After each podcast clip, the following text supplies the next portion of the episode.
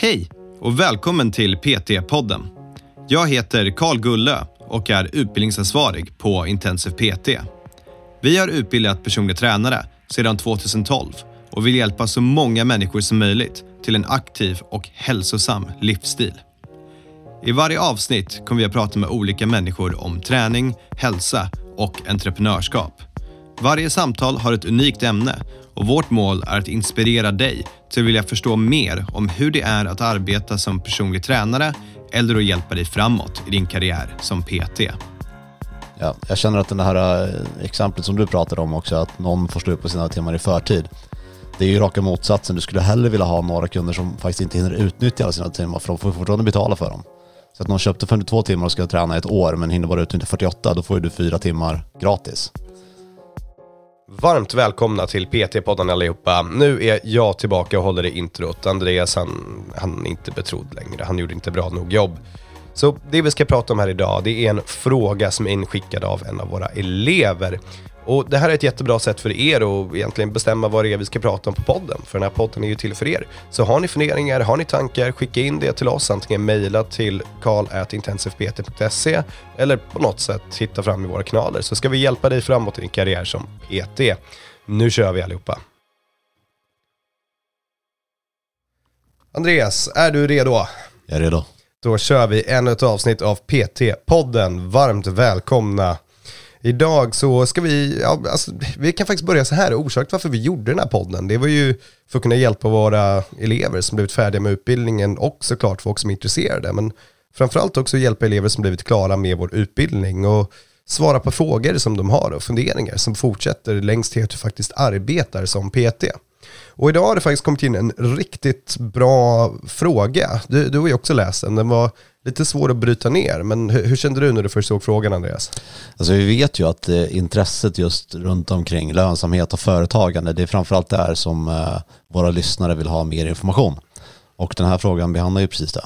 Ja, precis. Så jag tänker det bästa är att vi egentligen delar upp den lite och försöker ta en del för del. Så här har vi frågan, den kommer från Nina Skoglund och det är så här, det, det handlar om hur ska man tänka för att öka lönsamheten som PT? Hur skulle man kunna organisera sin vecka på bästa sätt med PT-grupper? Vad är då ett bra upplägg? Hur många? Hur ser träningen ut? Ingår individuella möten? workshops, individuella PT-träningar, i stort sett allt som finns har vi här. Och hon frågar framförallt för sig själv. Och de förutsättningarna som vi vet i den här posten då, det är att hon hyr in sig på ett gym och försöker hitta en långsiktig balans och vara business smart. Um, så det är ungefär det. Och det, det, här har vi ju behandlat en hel del, men nu tar vi väl det här som ett case study och pratar lite om ja, hur, hur vi hade gjort och hur man kanske hade lagt upp det. Ja, alltså det här med att tjäna mer pengar, den kommer ju inte vara riktigt relevant för alla för att det förutsätter ju att du har möjlighet att påverka hur mycket du tjänar. Så är du anställd på ett gym, ditt enda sätt förmodligen att tjäna mer pengar på är att jobba fler timmar. Så att det här förutsätter att du har en egen verksamhet på något sätt. Precis, och i det här fallet då så hyr vi in oss. Vi förutsätter att det är enskild firma i det här fallet.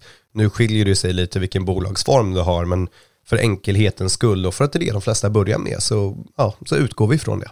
Ja, och är ni nyfikna på det här med bolagsform, eh, aktiebolag eller enskild firma så kan jag rekommendera bloggposter. En av våra mest lästa bloggposter som vi har. Eh, vilken typ av eh, företag ska en PT ha? Så gå in och sök efter den i bloggen så kan ni se vad det är för skillnad ungefär. Sjukt att det är en mest läst bloggpost. Fast jag, jag kan tänka mig den då, för att säga att du ska starta eget. Hur, hur vet man? Ska jag ha ett handelsbolag, ett aktiebolag, ska jag ha en enskild firma? Nej, man vet ju inte vad någonting är ens i Exakt. början. Men Exakt. det är också så sjukt att av alla liksom blogginlägg vi har skrivit, att det ligger där bland toppen som är så otroligt ointressant. Ja, nej, det är ju inte jätteroligt eh, ur träningsperspektiv, men eh, ett otroligt viktigt eh, och relevant inlägg. Och, det, och jag tycker också det visar på trenden som vi ser ändå, för att det är ju klart fler som väljer att starta eget än som hoppar på att bli anställning på gym. Ja, jag tror mycket av det är just det man kan påverka. Att man kan göra en blogginlägg eller en post som är den här frågan. Hur ska jag göra för att vara så lönsam som möjligt och ha en bra balans? Medan när du arbetar som PT, det, här pratade vi om lite innan avsnittet. Så var det, ja men okej, vad kan du göra om du är anställda? Ja, du kan jobba mer som PT. Ja, Okej, kan du byta pass? Nej, du kan jobba mer som PT. Du har liksom inte möjligheten att påverka på samma sätt. Så ska vi ta första delen av frågan. Kan du repetera den? Det var så otroligt långt. Ja, okej, så sorry Nina. Så hur skulle man kunna organisera sin, väska, eh, sin väska, sin vecka på bästa sätt med PT-grupper? Uh, och då, när vi säger PT-grupper, då menar vi PT-pass överlag antar jag. Och hur, hur ska man organisera sin vecka? Och den första begränsningen som jag ser i det här, det är som PT så ska man inte jobba mycket mer än 30 timmar på själva golvet. Man ska inte räkna med 40 timmar arbetsvecka. Det, det här brukar både du och jag vara ganska överens om. Och orsaken för det är att när du jobbar som PT så kommer det vara ganska mycket runt omkring arbete. Det kommer vara obekväma arbetstider. Du behöver ta hand om dig själv och räkna med ungefär 30 timmar på golvet. Det är, det är ganska mycket ändå skulle jag säga. Ja, 25-30 timmar tycker jag är lagom. Ja, ja, jag skulle faktiskt också till och med hellre vilja gå ner till 25. Och det där går ju tillbaka till prissättningen, vilket är vill du jobba mycket och ta mindre betalt eller vill du jobba mindre och ta mer betalt? Det är ju någonting man får avgöra själv. Så det är den första begränsningen vi har här, det är hur många timmar ska vi jobba för hur ska vi lägga upp det. Om vi tänker dygnsmässigt då, hur, hur hade du gjort för att lägga upp när på dagen du vill arbeta? Vad finns det för problem som kan uppstå? Alltså jag har ju lagt oftast mitt jobb mer på eftermiddag kväll. Just för att eh, de flesta PTs vill inte jobba då. De, Precis. de vill jobba dagtid och så vill de vara lediga på kvällen. Men så funkar det ju oftast inte för de som vill ha personlig träning. De vill ju ofta träna efter jobbet, kanske på lunch, kanske innan jobbet. Men vi kan ju inte börja klockan sju, sen träna lunch, sen kan jag träna kväll. Så jag la upp det så att jag jobbade, jobbade kvällar. Då var det väl i stort sett eh, alltså väldigt få andra personer tränade. Det var några som var där lite framåt 5-6 och körde sina sista PTs då, men framåt 7, 8, 9 då var det inga andra där. Och bara där är ju ett ganska bra argument för, för uh, prissättning. Är du på ett gym och du är den enda peten som erbjuder träning på den tiden, då kan du ta mer betalt. Absolut, absolut. Och jag menar, jag, jag har ju, just nu är min fest med borta, så jag har en PT-klient som jag tränar åt henne klockan sju på kvällen. Jag är inte van vid det här, för jag har inte gjort det på så länge. Och det känns helt sinnessjukt att åka in till gymmet klockan sju för att träna en PT-kund. Men det här var ju mitt liv förut, det, det var så det var. Så det är ju lite av en vanesak och det är rätt nice när man kommer in i det också och har de kvällarna. Men kanske inte varje kväll utan se till att ha lite tid också där du kan gå iväg och äta en trevlig middag och ha det bra där hemma. Det kan finnas en begränsning i plats på gymmet också för att det är ju mellan fem och sju typ som det är kaos. Ja. En annan trend som särskilt är stark nu under corona, det är faktiskt förmiddagsträning och morgonträningen. Eh, Det är att folk, det har väl alltid varit att vissa vill träna på morgonen, men nu är det, ja man ser ganska mycket, får vi rapportera till, när folk vill träna just på morgonen under de här tiderna. För att folk är väl mer lediga och har inte lika bråttom till gymmet. Så det är ju också en idé. Men jag tycker man ska absolut reservera i sin kalender att antingen så jobbar man förmiddag eller eftermiddag en dag och man ska inte töja på att jobba däremellan för att sitta på gymmet och vänta hela tiden, det är helt värdelöst.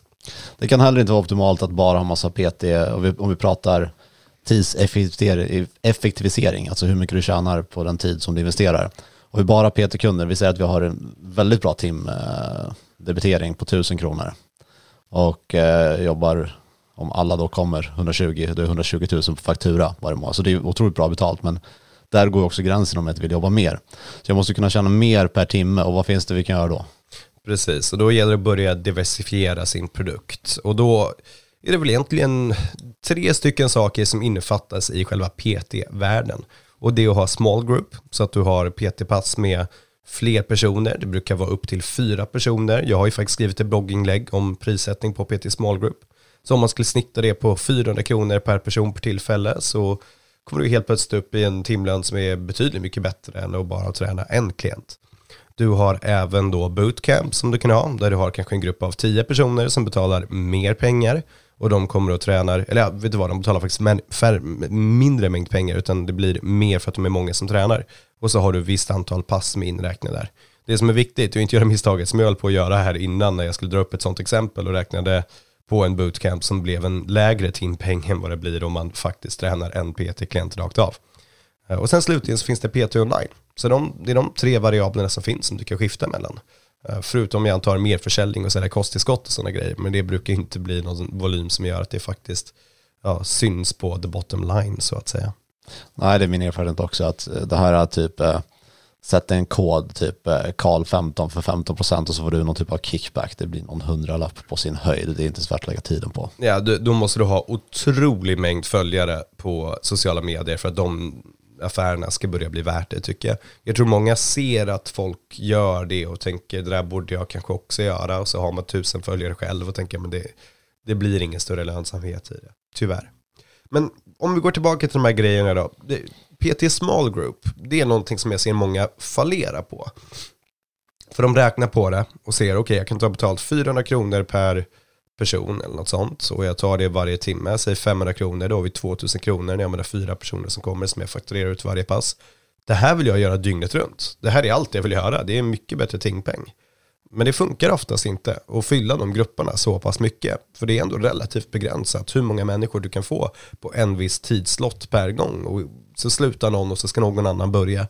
Så att fylla hela din verksamhet med bara PT Small Group, det funkar oftast inte. För det är svårt att hitta den volymen av personer in. Så hitta en balans mellan de här grejerna, det, det brukar absolut vara det som funkar bäst. Och jag skulle kanske rekommendera att ha två till tre PT small groups igång samtidigt om man kan få ihop det.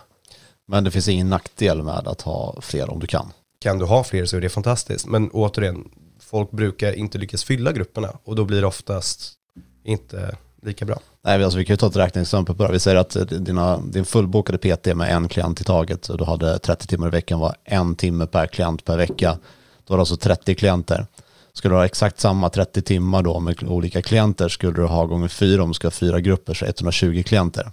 Inte kul att handskas med 120 personer som ska kontakta dig på ett annat och, sätt. Och tänk dig när en person i gruppen vill byta tiden ja, och nej. alla andra tre måste komma överens om det och så har du så många sådana grupper igång samtidigt. Det går inte. Och nej. folk stirrar sig blint på det här och känner det här är allt jag vill göra. Så min rekommendation är ungefär två till tre sådana samtidigt. Inte mycket mer för det brukar bli för mycket att hålla koll på. Ja, och sen ska vi också komma ihåg att visst, vi tjänar dubbla, vi tjänar 2000 kronor per timme istället för 1000. Eh, men eh, du har också fyra gånger så många personer som är inblandade det här. Ja, det, det, och det beror ju på hur du lägger upp passet. Det kan ju bli jobbigare, men med erfarenhet så kan jag nästan att det blir lättare. För de kan göra teamgrejer och ja, man, man kan göra väldigt kul. Däremot individuell träningsprogrammering brukar ju inte ingå i det här att du ska skriva träningsupplägg individuellt åt de här fyra personerna som de ska göra utanför då blir ju arbetet utanför ganska mycket. Eller håller du med? Ja, jag håller absolut med. Och sen blir väl siffrorna blir väl inte riktigt att stämma heller, för de flesta tar väl i alla fall 500 kronor per person där, men kanske inte tar 1000 kronor per timme, så att det blir väl att skilja mer på small group och eh, PT-timmar än så, än vad vi räknar på. Absolut. Eh, om vi bara tar en snabb så här, hur ska du komma igång med small group då? Om du känner nu när du lyssnar på det här, men det, det är absolut någonting jag vill göra. Det lättaste sättet det är att åsidosätta en tid i din kalender som du har din small group som du ska börja med. En primetime tid, så antingen tidigt på morgonen, i det här fallet 6 eller 7 på kvällen. Och så börjar du. Och så bjuder du in en person, kanske bjuder den personen på det, i utbyte mot att de ska hitta andra människor som ska vara med också. Och så får du helt enkelt fråga varenda person du träffar, vill du komma och vara med i den här grejen? Och så bjuder du in folk, alla du bara träffar, får dem att prova på ett pass, få folk att komma. Till slut när du har några som är stadiga och går så kommer de börja bjuda in andra människor eh, som vill gå på det. Så var öppen med att låta folk komma och testa utan att betala. För det brukar få bollen i rullning så att säga. Ja. Sen har vi det här som jag inte har någon erfarenhet av, bootcamps. Bootcamps. Så bootcamps i regel brukar vara på morgonen men kan såklart vara på kvällen. Och där så är det väl, i, i blogginlägget som jag har skrivit om det här så om, om jag minns rätt så det, det är typ 7 till 12 personer, det är någonting sånt. Och det brukar vara två eller tre pass i veckan, någonting sånt. Och sträcka sig över sex veckor, någonting sånt brukar funka bäst. Och så ska alla betala en fast summa för den här tidsperioden. Och missar de i klass, då, då missar de i klass. Och det här är mer gruppträning då. då. Och så gör man lite tester i början och lite tester i slutet. Och massa träning däremellan där folk kan få en generell träningsupplägg som de ska följa tillsammans, gärna med individuell kostupplägg eller någonting sånt. Så vad är summan? Vad betalar folk för det här? Ja, jag, jag skulle säga runt 2000 kronor. För, för, sex veckor? Ja, för sex veckor. Om du kan fylla det med 12 personer så är det inte helt dumt för två eller tre pass i veckan. Nej. Jag är inte lika snabb som du är på huvudräkningen, men varsågod om du vill. Eh, det blir, eh, det blir oftast helt okej. Okay. Och det är en ganska konstant tillström av pengar oftast. Att folk vill fortsätta gå bootcampen. Och sen det man brukar se, det är att de personerna som kanske behöver sluta med bootcampen av någon orsak, kanske för att de blir eh, gravida eller vill fokusera mer på sin egna träning, de brukar hoppa in till personlig träning då. Så då får du en ganska bra tillströmning där. Och det brukar vara rätt lätt att fylla på folk och gå på själva bootcampet sen efteråt när den är någorlunda fullbokad. Så det är även ett bra sätt att få in fler PT-kunder. Det låter faktiskt inte så dumt. Det är inte så dumt. Vi har i alla fall rullat det ganska länge och det funkar väldigt bra. Ja. Sen har vi ju, det finns ett sätt till som också förutsätter att du får uh, styra och ställa med dina priser lite grann och det är ju din uh, favorit, det är att höja priset på dina timmar. Då kan du jobba mindre eller du kan tjäna mer på att jobba lika mycket. Ja, folk är otroligt rädda för att höja sina priser. Jag med. Ja, I know. Uh, och det, vi, vi har gjort det och det är ganska läskigt och det kommer att folk som slutar. Men det är det som är hela poängen med att göra det. För att nu har jag inget jättebra räkneexempel framför mig, men och jag vågar inte räkna i huvudet snabbt för det är jag inte lika bra på ja, men jag, jag, kan räkna åt dig. Vi säger att du höjer dina priser med 10%. Kommer fler än 10% av dina klienter sluta då? Förmodligen inte. Då tjänar du pengar. Precis, och, det, och då får du jobba mindre och träna mer. Det bästa sättet att göra det här på egentligen, det är, och det här är faktiskt en bra övning att göra för alla oavsett vad. Det är, ta fram ett A4-papper, gör två listor. På den ena listan så har du dina kunder som betalar mest och de du tycker är roligast att träna. Uh, cirkulera om samma person kommer på båda de två listorna. Den personen ska du behandla som en gud. Den personen vill du inte bli av med. Det är en helt fantastisk människa. Du vill bjuda dem på saker och hålla dem i, i din träning. Sen gör du en till lista. Då tar du de personerna som du tycker minst om att träna, de kunderna som du inte tycker är så kul och de som betalar sämst. Och så ser du om deras namn dyker upp på båda de två listorna och cirkulerar in dem. Är det så att de är med på båda listor, då är det en kund du absolut kan gå och höja priset för i sådana fall. Nu är det väl kanske lite taskigt och det är egentligen prisdiskriminering att höja priset för bara en person och det, det ska du väl egentligen inte göra. Men är det så att bedömer att det är de kunderna som kommer sluta för att du höjer priserna, fantastiskt, det är väl alldeles super. Och hur gör jag då? Vad, om du, jag är din kund, du kommer till mig och säger, du, jag ska göra priserna för dig. Så, Nej, det vill jag inte. Ja. Hur, hur presenterar du det här för mig? Vad får jag mer för att jag betalar mer? Ja, den är alltid svår. Jag, jag vill ha något bättre än det. Nej, du, du får faktiskt inte jättemycket bättre än det. Du bara höjer dina priser? Nej, jag, jag, det bästa är att göra, alltså, det bästa är att kanske göra automatiska utskick och göra det här uh, i god tid innan du höjer dina priser. Så kanske tre månader innan så säger du, det här datumet kommer priserna att gå upp. Så folk har tid att förbereda sig för det. Och då kan jag teoretiskt sett köpa 52 timmar till det gamla priset och träna ett år till samma pris. Ja, men det det kanske inte är helt dumt heller, för då är du säkerställt. Ja, det är ju det är bra för mig, det är bra för dig, så det kanske inte är dumt alls. Nej, precis. Och sen, sen är du ju segt. Om du dock har en PT-kund du inte vill träna som gör det, då kan du väl kanske säga, jag är ledsen, det här går inte, då, då får du hitta något, något bra sätt att göra det på. Men ofta så är det de kunderna som betalar minst och de som du själv vibar minst med, det är även de som troligen inte kommer vilja betala en större peng för att de känner att det, ja, de känner nog samma sak som du gör. Ja, det, det är sällan ensidigt att jag tycker det är jättetråkigt att träna med dig, men du tycker att det är kul att träna med mig. Precis. Det händer knappt. Precis. Eh, men nej, alltså gör det, presentera det lång tid i förväg och sen påminn om det då och då. Och sen när det händer så måste du bara vara väldigt tydlig med det. Och det här är liksom, det är en svår grej för att det är din business, det här är ditt liv, det här är vad du gör. Det, det, är klart att du ska ta betalt därefter, du ska ta betalt för vad det är du är värd och vad det är du känner funkar för din tillvaro. Och är det så att någon tjafsar med det, ja men då köper de, då, då respekterar de inte dig som en businessmänniska som gör ditt jobb som personlig tränare utan ser det mer en kompis som tränar dem och tänker mer på sig själva. Och då, ja, då Eller så har du gjort ett dåligt jobb, de har inte fått resultat och tycker inte att det är värt det.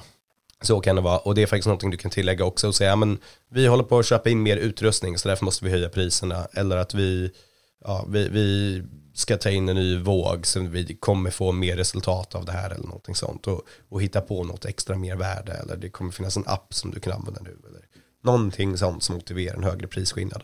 Men det, det tycker jag inte är ett måste på något sätt.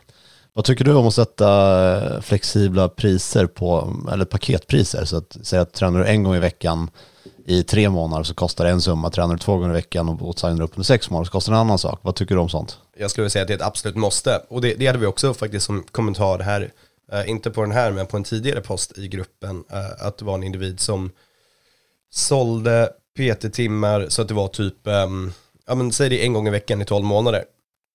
Men att klienten tränade mer än det. Så de tränade kanske tre gånger i veckan. Så efter tre, fyra månader så tog alla timmar slut.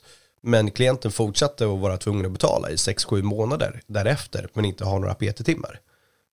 det känner jag spontant inte är ett jättebra upplägg att göra så. För att då kommer två saker hända. Ett, betalviljan kommer gå ner. För den här personen, jag, jag tror det var samma person som skickade in frågan, så var det inga problem. För det var gymmet som tog den eh, smällen. Det var de som fick ta risken. Men återigen, den personen då, betalviljan kommer gå ner hela tiden ju längre tid det går som de inte har fått träna. Och nummer två, som är kanske ännu viktigare, om du nu hade typ så här åtta månader personlig träning som du hade en del betalning kvar på, som du inte tränade, och dina PT-timmar tog slut. Och så kommer jag och sa, men vet du vad, vill du träna ett år till och lägga på på den delbetalningen? Det kommer du troligen inte göra. Det blir ganska dyrt kanske. Ja, det börjar bli saftiga månadspengar plötsligt. Så min poäng med det här utlägget är att lösningen till det, det är att göra precis så som du har beskrivit här. Att du har en gång i veckan i tre månader, en gång i veckan i sex månader, en gång i veckan i tolv månader, två gånger i veckan, tre, sex, tolv, tre gånger i veckan, tre, sex, tolv.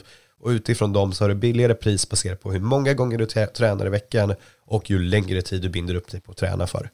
Ja, jag känner att det här eh, exemplet som du pratade om också, att någon får slut på sina timmar i förtid. Det är ju raka motsatsen. Du skulle hellre vilja ha några kunder som faktiskt inte hinner utnyttja alla sina timmar, för de får fortfarande betala för dem. Ja. Så att någon köpte 52 timmar och ska träna ett år, men hinner bara utnyttja 48, då får ju du fyra timmar gratis. Precis. Och det där kan man väl tillägga, det, det är en sån här grej som ibland kan bli lite problematiskt för folk. Att har du en PT-kund som är bortrest en vecka eller sjuk en vecka och då är frågan, kommer den tiden försvinna eller inte? Där får du väl, i, i min mening så får du behålla en god relation så får man ibland vara lite flexibel. Men absolut inte alltid på något sätt, utan var väldigt tydlig när du skriver klart det här, att det, det är så här det funkar. Du har en gång i veckan som du ska träna, nu kör vi. Ja. Och jag är ju stenhård på det. Jag säger att jag har inte ens möjlighet, det går in i systemet, jag kan inte påverka det, så är det. Jag vet inte varför jag är mindre stenhård med den, för det är, jag brukar ju vara stenhård med alla de här grejerna, men just den här är jag mjukis. Ja, nej. Daniel hade ju en bra, ett bra förslag på det. Han hade den här eh, sen avbokningsförsäkring som Ja, kan funka likadant. Kan du berätta hur det funkar? Sen, ja, det var i stort sett så att om jag tar 500 kronor i timmen, då blir det, eh, när jag presenterar, så vet du vad, det, det är ju 24 timmar avbokning, men eh, det du kan lägga till det är en sen avbokningsförsäkring, då kommer det vara 550 kronor istället. Men då kan du avboka inom 24 timmar, men då är det 550 kronor på alla PT-timmar. Ja. Och det, alltså jag skulle jättegärna att någon köpte det, det hade varit helt Absolut. fantastiskt. Och där är det ju, där är det ju jätteenkelt att räkna på vad man behöver ta. För det är ju bara att se hur många avbokningar får jag som är mer än 24 timmar och mindre än 24 timmar. Så ska man räkna på att man faktiskt tjänar pengar på det. Precis. Eh, Jag känner nu, ska vi kolla på frågan? Jag tror inte vi har missat någonting. Jag hade en sak till som jag vill ta. Ja, ja. Just fl- prisflexibilitet. Så det här är varför du inte kan vara host, för du har ingen koll på lång tid det har gått. Nej, men det, det gör inget. Fråga? det här är faktiskt en sak som jag har tänkt på men aldrig testat. Så tänkte fråga vad du tror om det. Ja. Vad tror du om prisflexibilitet beroende på vilken tid på dygnet du vill betala? Ungefär som det finns gymmedlemskap, det är billigare på förmiddagen och dyrare på primetime. Vad tror du om en lik, liknande koncept för en personlig tränare? Fördel, du kommer mer, det, det är lättare att få in kunder till det. Eh, nackdel blir att du låser dig själv till att träna de specifika tiderna med kunden. Så du själv kan inte ha flexibilitet om schemat skulle förändras. Och Mm. troligen, om någon person skulle betala 600 kronor för att träna med dig, men nu kostar det 400 kronor för att det är på dagen istället. Frågan är om du inte har skjutit dig själv i foten då. Eller? Jag tänker tvärtom. Jag tänker att dyrare du, blir dyrare på kvällen. För att om jag ska jobba då så vill jag tjäna mer och det är fortfarande lättare att sälja där och på, dem, på dagen så ska jag ändå förmodligen jobba där då så att då är det samma pris. Ja, kanske. Jag undrar hur psykologin funkar för det. För om jag ska presentera ett paket för dig så kommer du ju se mina snitttimmar, typ 500 kronor eller något sånt. Presenterar du dina 500 kronor då och sen när personen säger ja men jag vill boka in 9 på kvällen så är det ja men då blir det 600 spänn istället. Ja, ja men alltså säljprocessen är ju svårare. Men jag undrar om man inte skulle tjäna mer pengar på det efter man har fått in sina klienter. Jo, det är, det är kanske en bra idé att testa när vi fullbokar. Om någon har testat det får ni jättegärna höra av er till oss. Ja. Det, det är väldigt spännande upplägg. Det skulle absolut eh, kännas på att prova. Det borde ju gå att styra också. Om det är någon, några tider du verkligen inte vill jobba så kan du sätta rätt dyra priser på det och säga att det här är primetime. Så återigen, när du är egenföretagare på det sättet kan du ju bestämma Ja, dig också för att göra det. Och, och även om du är så här, fan jag vill ha mer kunder på förmiddagen för att jag har en PT-kund som betalar mycket som nu helt plötsligt har bokat upp tisdag klockan 10 på dagen. Och du är så här, vad ska jag göra? Ja, då kan du gå ut och säga, men jag, jag säljer nu timmar med tisdagar klockan 7, 8, 9 till 20% rabatt till exempel. För att fylla de tiderna så att du får timmar att arbeta. Nu får du gå vidare med frågan. Jag har faktiskt inte jättemycket mer. Jag kollade den precis så jag hoppas och tror att vi har svar på det hela.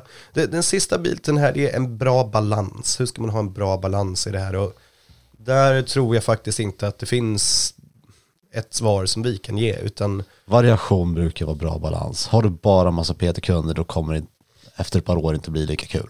Ja. Har du lite föreläsningar, har du lite bootcamps, har du lite online-PT, variera lite grann. Kanske till och med ta några gruppträningspass bara för att få variation. Precis. Jag tror att det är det bästa. Ja, jag tror också det. Och, och återigen, se till att ha priser som gör att du kan arbeta runt 30 timmar i veckan. Att du inte behöver vara på plats mycket mer än det. För du behöver frihet och du gör mycket andra saker också. Och jag har ju e-böcker om det här. Eh, vi, har ju det på intensivpt.se böcker. Eh, en som handlar om att skapa din drömdag, vilket är att räkna på de här grejerna, hur du ska ta fram de priserna. Vi har ett mentorskapsprogram också där du kan sitta ner med oss och gå igenom vad du behöver göra för att uppnå det som är då din perfekta dag utifrån hur precis hur den här frågan är ställd. Hur ska jag fördela min dag? Hur ska jag göra? Vad ska jag ta betalt? Och framförallt det ännu viktigaste, det, det är hur ska jag komma dit? Så ta hjälp av någon som har gjort det här förut, som nu är lite osäker. Så nöjer vi oss där då. Jag tror det. Eh, tack för frågan. Det var, vi fick ut väldigt mycket av den känner jag. Absolut. Och tack till Andreas som spenderar sin söndag eftermiddag på att sitta och spela in podcast. Ha det så bra allihopa. Ha det bra.